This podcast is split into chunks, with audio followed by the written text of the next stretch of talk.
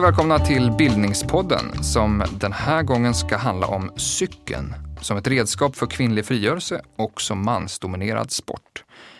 Jag heter Magnus Bremmer och med mig här i studion på Stockholms universitet sitter två gäster, nämligen Helena Tolvhed som är historiker och forskare på eh, Historiska institutionen. Anders Ekström som är idéhistoriker från Uppsala universitet. Anders. Vi ska prata om cykeln ur ett genusperspektiv idag. Men om vi tar det från början. Kan man säga att uppfinnandet av cykeln förändrade samhället? Ja, det tror jag att den gjorde på, på många sätt. Men det kan ju vara bra att börja tänka lite grann kring hur cykeln var med och förändrade stadsrummet, offentligheten, hur det rent konkret såg ut i samhället. Hur, hur då?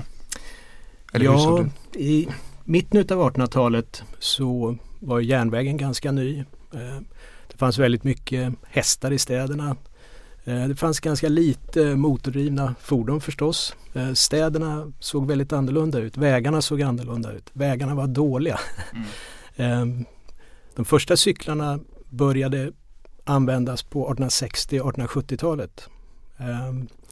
Och då var cykeln fortfarande väldigt exklusiv. Det fanns en cykel som kallades för The Ordinary, den vanliga cykeln. Den hade ett väldigt stort framhjul och ett väldigt litet bakhjul. Den hade direktdriven pedaldrift, ingen kedja eller någonting. Så den var väldigt tung och svår att cykla på. Sen fram till ska vi säga 1890-talet så utvecklas nya cykelmodeller. Det blir mycket vanligare att kunna äga en cykel eller att kunna prova en cykel i alla fall. Även om den är väldigt dyr fram till sekelskiftet.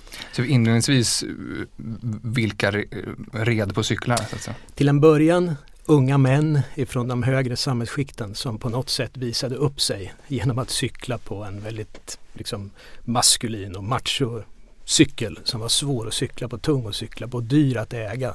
Där man satt väldigt högt och kunde se ner på dem som man mötte. Och senare så, alltså hur, hur, hur snabbt gick den utvecklingen från en ändå ganska, ganska nischat redskap till att allt fler började använda en cykel? Ungefär var i tiden ligger vi då? Ja, det händer något viktigt i slutet på 1800-talet. Nu tror inte jag riktigt att teknik driver historien men ibland så för de med sig viktiga förändringar. Och I slutet på 1880-talet så eh, kunde man dels börja tillverka kedjor till cyklar vilket gjorde det lättare att cykla. Hjulen blev mer likformiga. Cykeln började se ut mera som en cykel ser ut idag. Man började också använda luftburna däck vilket betydde väldigt mycket när man cyklade på kullersten eller ojämna landsvägar eller vad det var för någonting.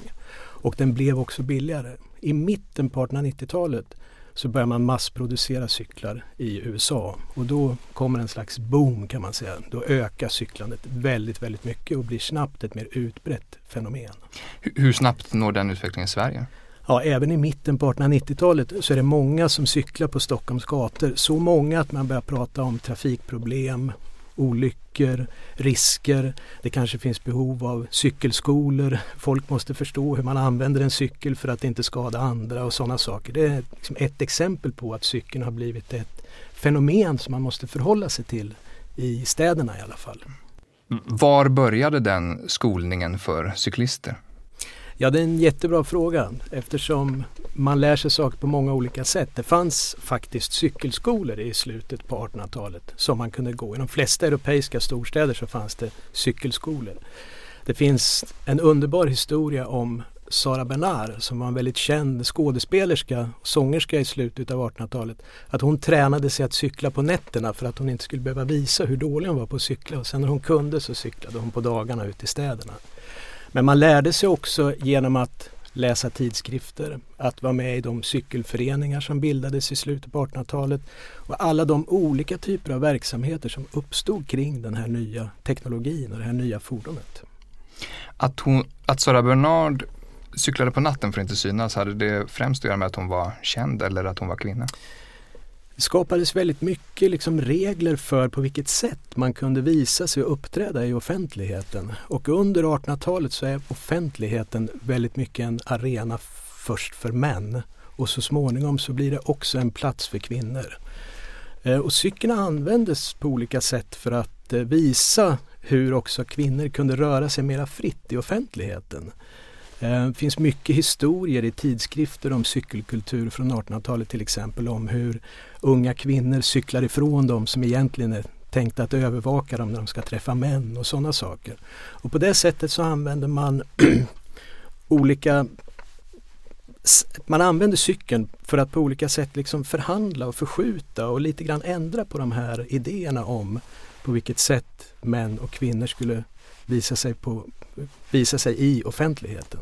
Så det där förskjuts undan för undan i bruket utav det här nya tinget, av det här fordonet av cykeln. Du har ju skrivit om hur, hur eh, cykeln grep in i, i den kvinnliga frigörelsen. Så. På, på, vilket sätt, på vilka andra sätt gjorde den det?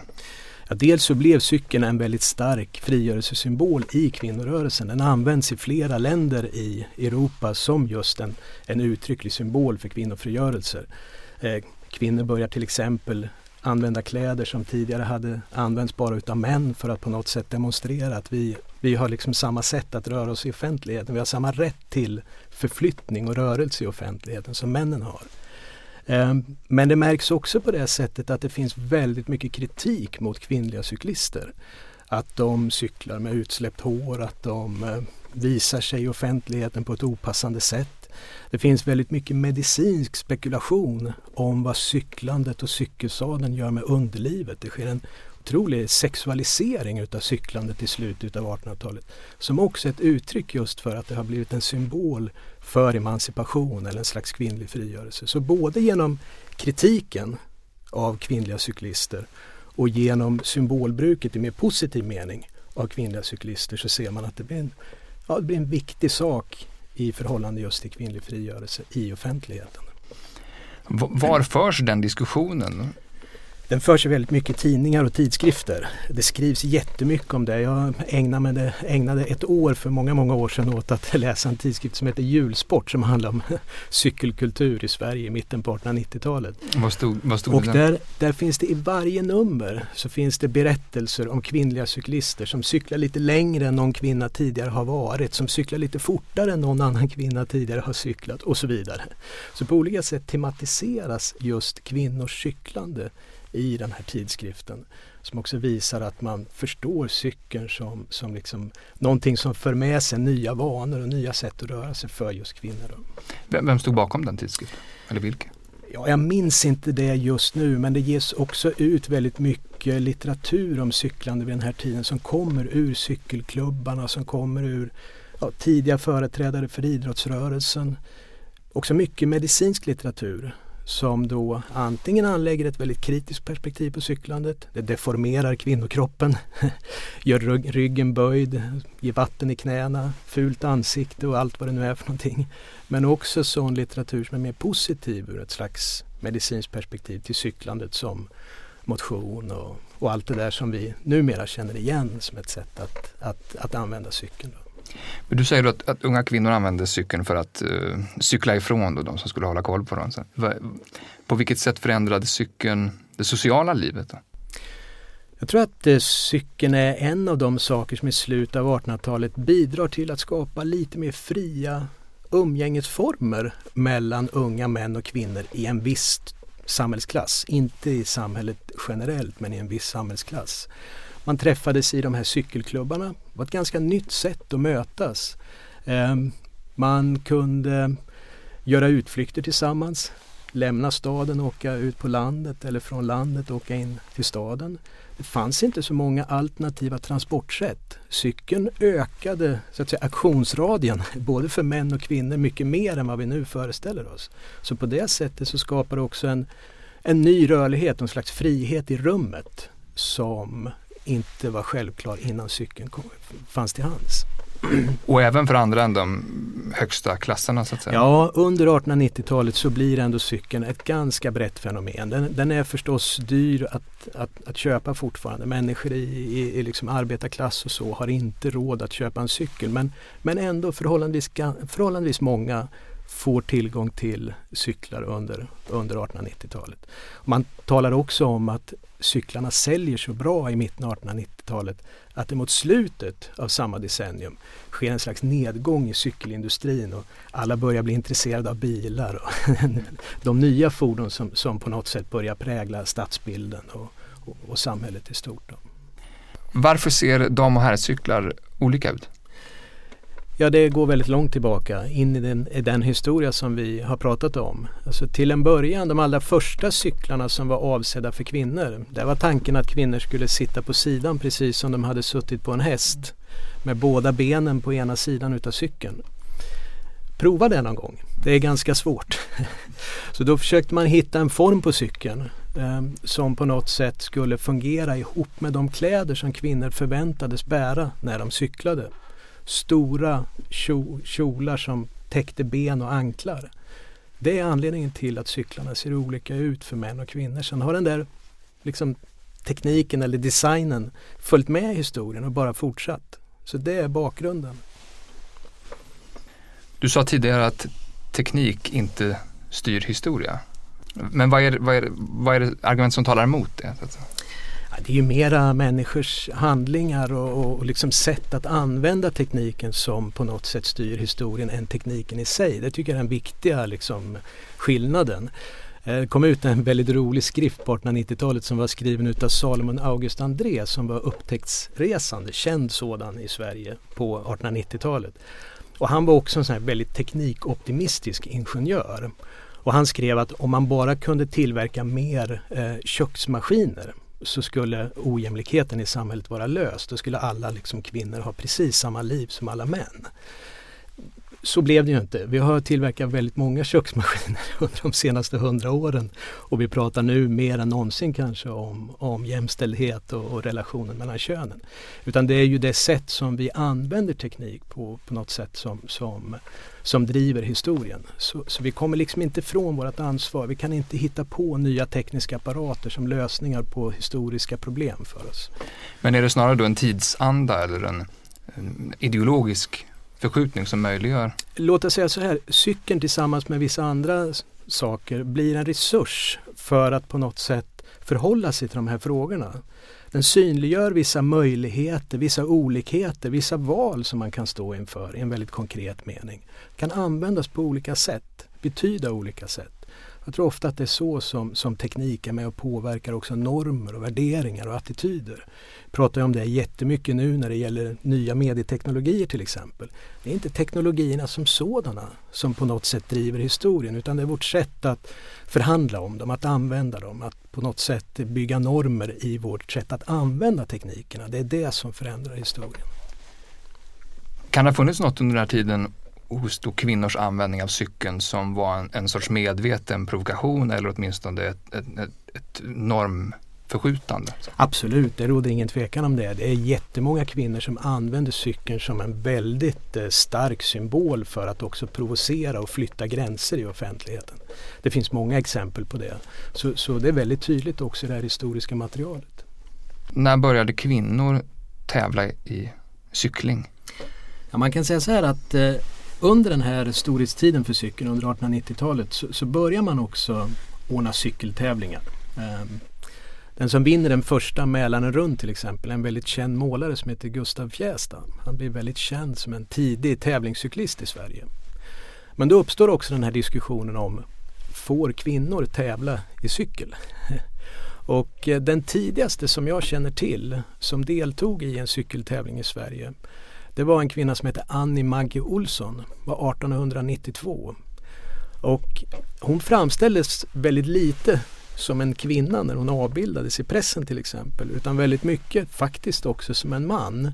Som ett sätt att säga att tävlingscykling det är nog ändå någonting som mest är för män och inte så mycket för kvinnor. Och ur den där diskussionen så utvecklas ju väldigt stora olikheter vad gäller kvinnors tävlingscyklande och mäns tävlingscyklande. Den här tävlingsidrotten blir framförallt en maskulin historia. Helena, du som är idrottshistoriker och har forskat mycket kring de här ämnena. Mm. Hur ser idrottsrörelsen ut kring sekelskiftet när det gäller den här typen av frågor? Just den här perioden som Anders har beskrivit här, eh, senare delen av 1800-talet, är ju också den den period då den moderna idrotten eh, har vuxit till sig då i, i, i Storbritannien och också introduceras eh, här i Sverige. Eh, och det är ju som en väldigt maskulint markerad verksamhet helt enkelt. Att det här är någonting som ska fostra nationens män till dugliga soldater och till liksom goda medborgare som ska bidra till samhället och ekonomin och så. Ehm, så eh, även en del feministiska forskare har gjort tolkningen här att eh, just när det, man börjar, eh, det börjar resas krav mot slutet av 1800-talet att att eh, på kvinnlig rösträtt och så del, större deltagande i, i, samhället, att det inte är någon slump att eh, idrotten kommer nästan som ett svar på den här typen av krav då. Eh, därför att, eh, att då skapar man liksom den här eh, Ehm, avgränsade manliga eh, arenan där män kan vara riktiga män och mäta sina krafter mot varandra och så. Sen känner jag ju igen det här som, som Anders var inne på också att det, just den här maskulina laddningen gör ju också att eh, eh en del kvinnor vill komma in här och att man ser det som eh, någonting frigörande. Och jag har ju då specifikt tittat på ett förbund på 1920-talet som heter eh, Svenska kvinnors centralförbund för fysisk kultur eh, som då eh, kom i kölvattnet på rösträtten för kvinnor som man vann eh, 1921 då i Sverige genomfördes det och även utvidgad rätt att arbeta, offentliga, arbe eh, offentliga ämbeten och så. Eh, och där man väldigt tydligt då kopplade samman eh, kvinnors nya frigörelse och, det, och insteg i samhället på alla områden i politik och arbetsliv. Eh, också med rätten att idrotta och att idrotten också skulle liksom stärka eh, deras eh, kroppar och karaktärer på motsvarande sätt då, som hade gjorts för män och att detta var liksom ett, ett viktigt steg för dem att, att erövra och vara med i. Är det någonting i idrottskulturen kring, kring sekelskiftet som är utpräglat maskulin? Ja, det är det ju definitivt. Eh, och jag tänker att med, med cykelsporten då så blir det ju som Anders säger olika spår på något sätt att eh, motionsverksamheten blir mer accepterad. Eh, och det där mönstret känner man ju igen från idrotten därför att till exempel simning eh, och eh, tennis och golf som var sällskapssporter som särskilt de övre samhällsklasserna ägnade sig åt. Där fanns det ett större en större acceptans för att kvinnor kunde delta men då skulle det liksom vara under ganska lekfulla former eh, framförallt då. Så just det här med tävling, alltså den starka fysiska prestationen, muskler som kunde riskera att utvecklas, svett, andfåddhet. Det där var väldigt eh, kontroversiellt och ingenting som man då ville eh, att kvinnor skulle eh, ägna sig åt. Så att det, det är ganska logiskt att det blir ett, en, en splittring här och att eh, ehm, då tävlingsloppen blir en, en starkt manligt markerad eh, verksamhet. Hur arbetade de här feministiska idrottsförbunden? De arbetade ju med att försöka eh, ordna olika eh, både tävlingstillfällen för kvinnor och här var man ju till exempel med 1926 när eh, man hade den, det som ibland kallas för damolympiaden i Göteborg. Eh, och det, där var man ju del av en faktiskt uttalad feministisk internationell idrottsrörelse i Europa eh, som då hade utvecklats i protest mot att man inte fick vara med eh, särskilt då friidrotten, att man inte fick ha med friidrottsgrenar för damer på det olympiska programmet. Så då startade man sin egen, sina egna tävlingar som hölls 1922 i Paris för första gången och sen då i Göteborg 26 Ehm, där man tävlade i friidrottsgrenar just. Ehm, och sen så småningom så kom man då eh, fick man rätt att vara med i OS. Det öppnades några grenar ehm, 1928 i Amsterdam. Så att det var ju liksom en lyckad kampanj på ett sätt och samtidigt när man då eh, kom med på det olympiska programmet så ser man ju också att den internationella rörelsen försvagas eh, och sen ligger man ju så att säga helt underordnad eh, manliga strukturer. Eh, och eh, bland annat så genomförde man 1926 ett, ett väldigt skandaliserat 800 meters lopp. skandaliserat på vilket sätt? Ja det blev skandaliserat på så sätt att publiken och eh, IOKs då eh, representanter Eh, var, reagerade starkt på att det var två kanadensiskor som efter målgången kastade sig till marken och hade alltså tagit ut sig på den här distansen och det menade man då bevisade att detta var ingenting, det här var en för lång distans, ingenting som kvinnors kroppar klarade av och sen var det faktiskt så att fram till 1960 så sprang inte kvinnor längre än 200 meter i olympiska sammanhang så att det var någonting som man verkligen eh, drog stora växlar på helt enkelt. Närde man också någon slags förhoppning om att idrotten skulle ha en, en, en frigörande roll, ungefär som att det fanns en, eh, ett symbolvärde i cykeln? Absolut, det var ju ingen slump att det här kom då samtidigt som rösträtten genomfördes och också att vidare samhällsklimat av 20-talet med där kvinnor eh, bar byxor, rökte och så vidare, alltså de här attributen för frigörelse.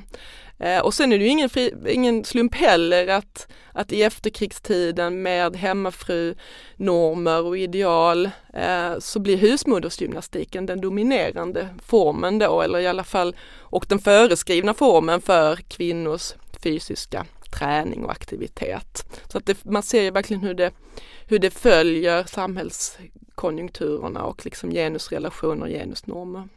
Så det är där man ska leta för att förstå varför kvinnor har haft så svårt att etablera sig då i, inom idrotten. Precis, det handlar ju om, alltså det, det, stora genombrottet.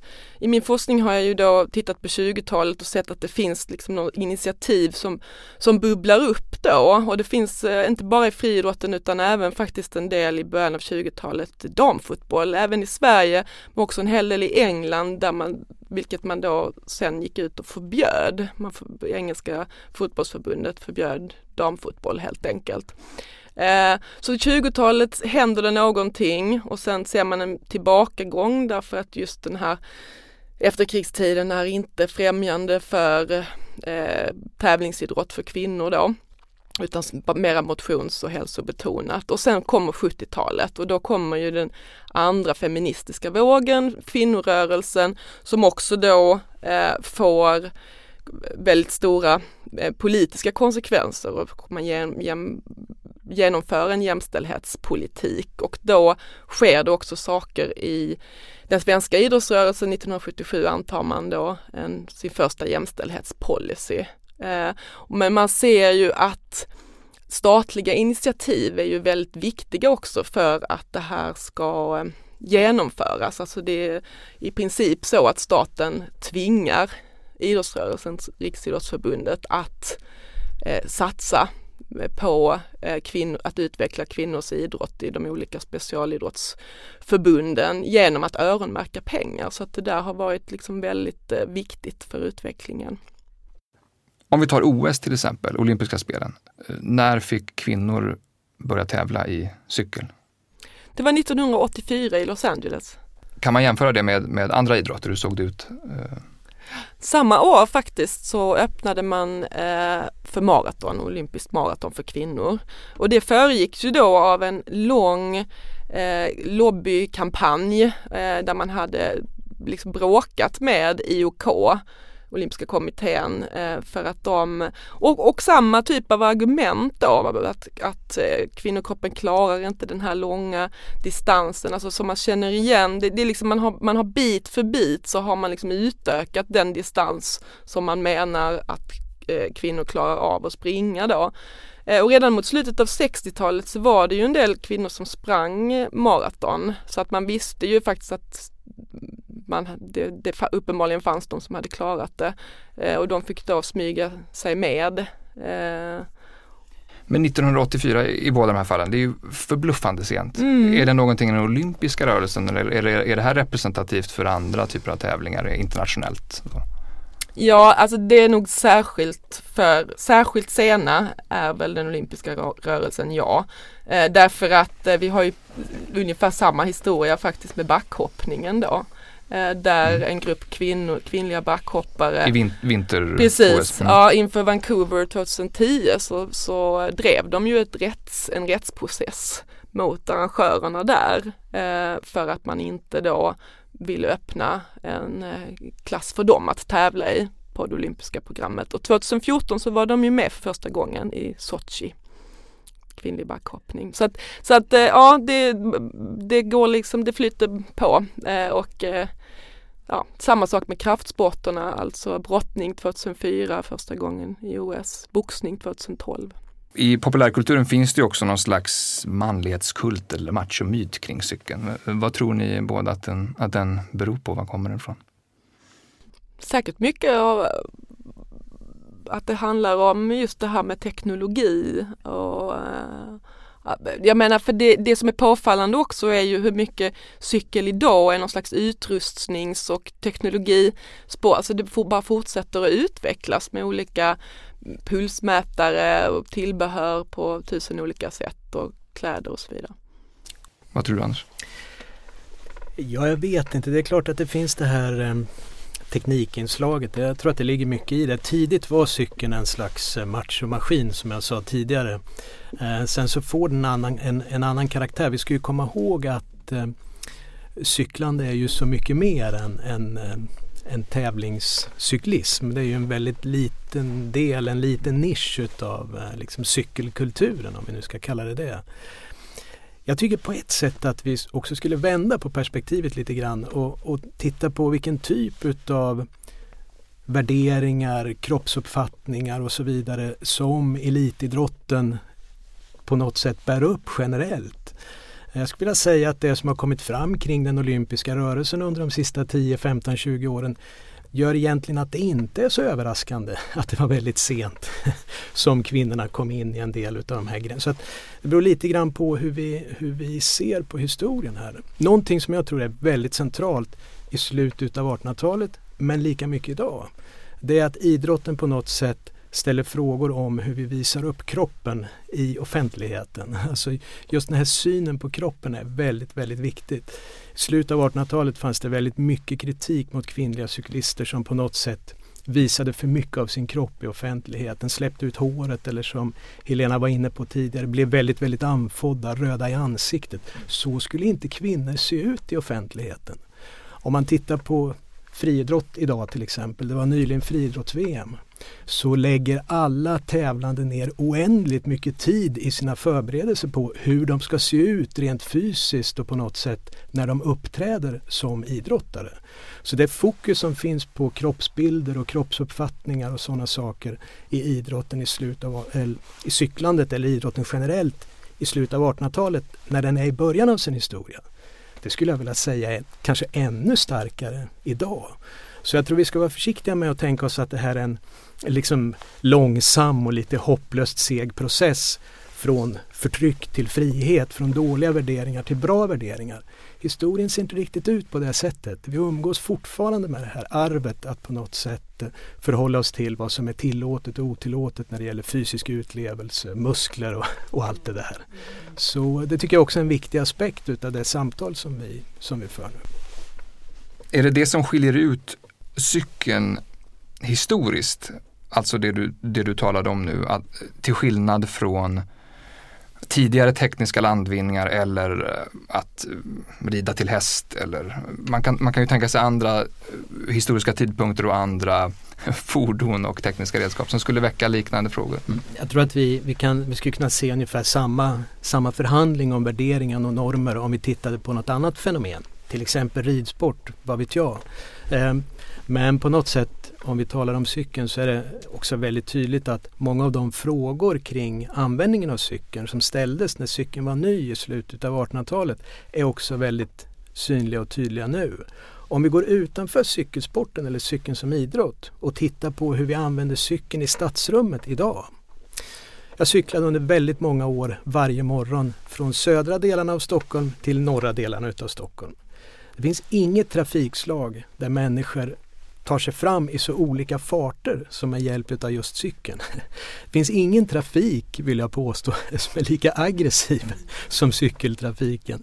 Och den är fortfarande full av de här maskulinitetsmarkörerna, intresset för utrustning och teknik som, som Helena var inne på. Ett visst sätt att klä sig, ett visst sätt att uppträda. Så alla de här värderingarna så förhandlar vi också när vi cyklar idag på samma sätt som man gjorde i slutet av 1800-talet. Det som väl har vuxit fram nu, bara som en observation, eh, är väl någon slags elitmotionärkultur som eh, där både män och kvinnor kanske deltar.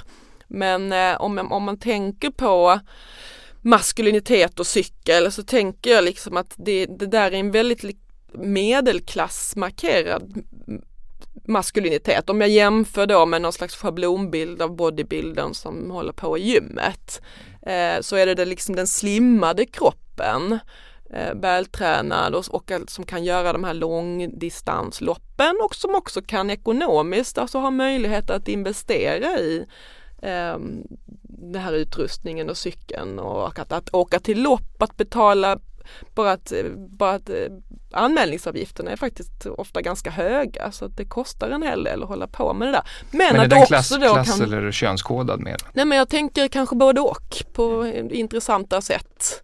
Eh, och också att det då cykellopp eller triathlon till och med, alltså det förskjuts ju, det är mer och mer som man ska göra nästan, men att det också då blir en del i det framgångsrika ledarskapet, att vara liksom en framgångsrik eh, entreprenör eller chef eller någonting man sätter på CV kanske till och med.